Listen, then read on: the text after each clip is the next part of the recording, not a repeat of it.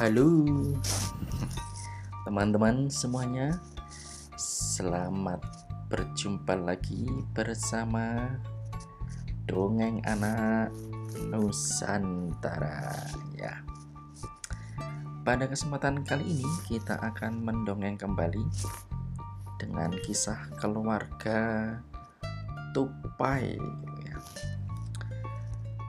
Teman-teman semuanya di suatu pagi yang cerah ini rakyat Tupai mengadakan pesta makan kelapa atas kelahiran putra mahkota. Wah ini. Yang kemudian putra mahkota Tupai tersebut diberi nama Aril.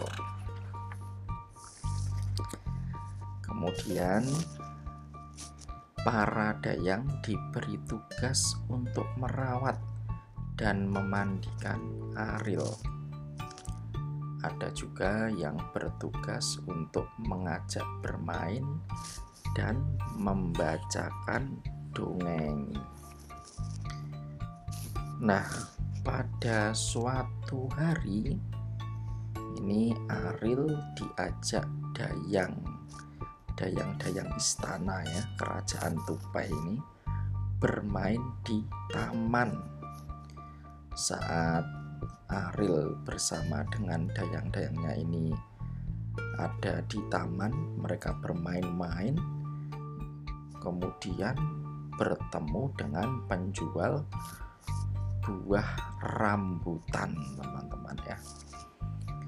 Ada yang sudah pernah makan buah rambutan Mengapa diberi nama buah rambutan?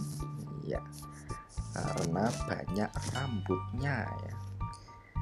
Kemudian Aril keheranan melihat buah itu.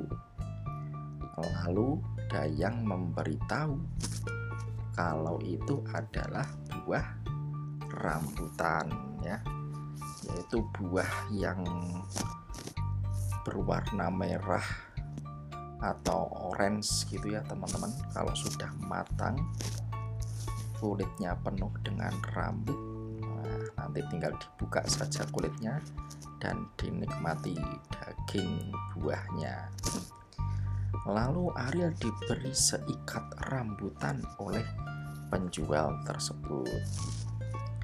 Saat menikmati buah rambutan kemudian ini ya tiba-tiba Aril bertemu dengan penjual buah durian.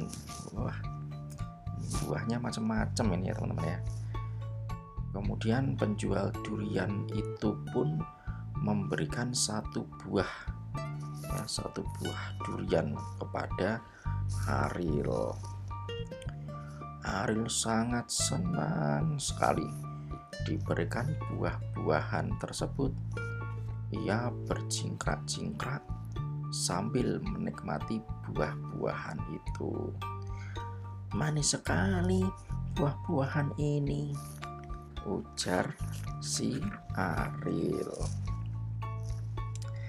Nah, saat mereka sedang menikmati buah-buahan, ya Aril dan para dayangnya ini makan buah apa tadi? Rambutan dan durian. Tiba-tiba wah ada penjual kelapa.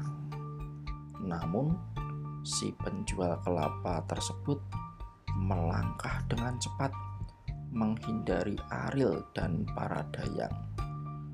Mereka pun keheranan kenapa dia tidak memberiku buah ya. Kata si Aril ya karena tadi waktu bertemu dengan penjual rambutan dia pun diberi rambutan. Saat bertemu dengan penjual buah durian nah, dia pun diberi buah durian.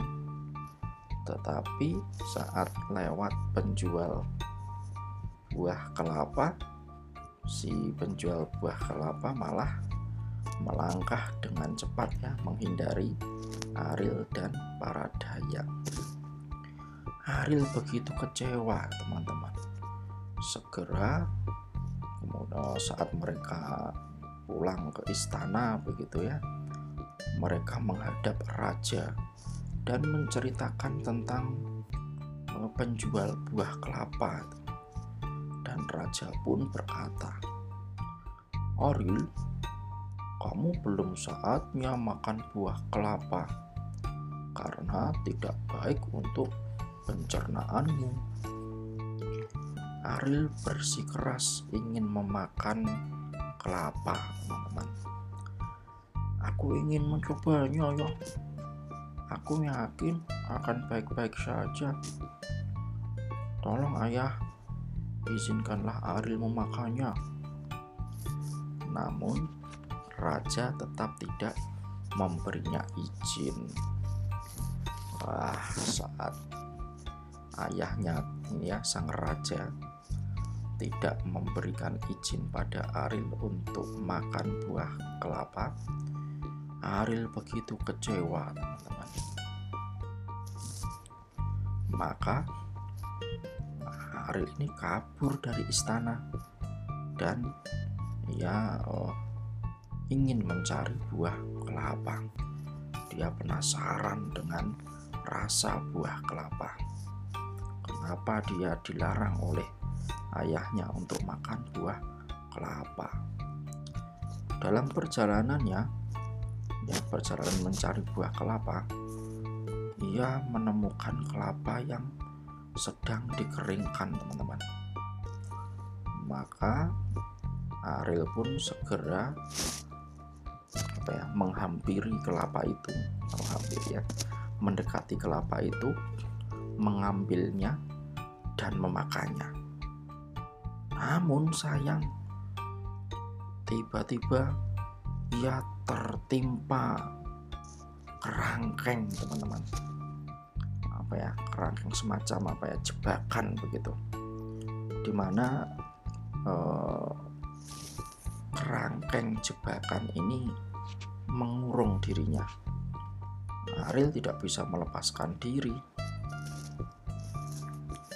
Dan ketika dia berusaha melepaskan diri, wah, namun usahanya tidak membuahkan hasil, maka Ariel segera saja berteriak-teriak minta tolong. Saking takutnya, Ariel ini teriakannya sangat keras hingga terdengar ke istana. Wah, sang raja pun mendengar teriakan putranya yaitu Aril. Maka raja segera mengirimkan pengawal untuk segera menolong Aril. Nah, dan akhirnya Aril berhasil dikeluarkan. Sejak saat itu, Ariel uh, menyadari dan menyesal uh, atas perbuatannya teman-teman. Dan berjanji tidak akan mengulangi lagi. Dan sejak kejadian tersebut dia selalu uh, dia berjanji akan selalu menuruti nasihat orang tuanya. Dan kini ia lebih banyak menghabiskan waktu bermain-main di istana di rumahnya ya bersama dengan para dayangnya. Nah, begitu teman-teman ceritanya ya. Jadi apa yang harus kita ingat yaitu selalu menurut mengikuti atau menurut pada nasihat orang tua ya. Karena kalau tidak menurut wah kita apa ya seenaknya sendiri. Nah bisa jadi itu mem akan membuat kita masuk dalam kesulitan ya. Ya Oke, teman-teman, adik-adik semuanya selalu taat pada nasihat orang tua dan sehat selalu. Nah, Sampai jumpa pada dongeng berikutnya. Terima kasih. Dadah.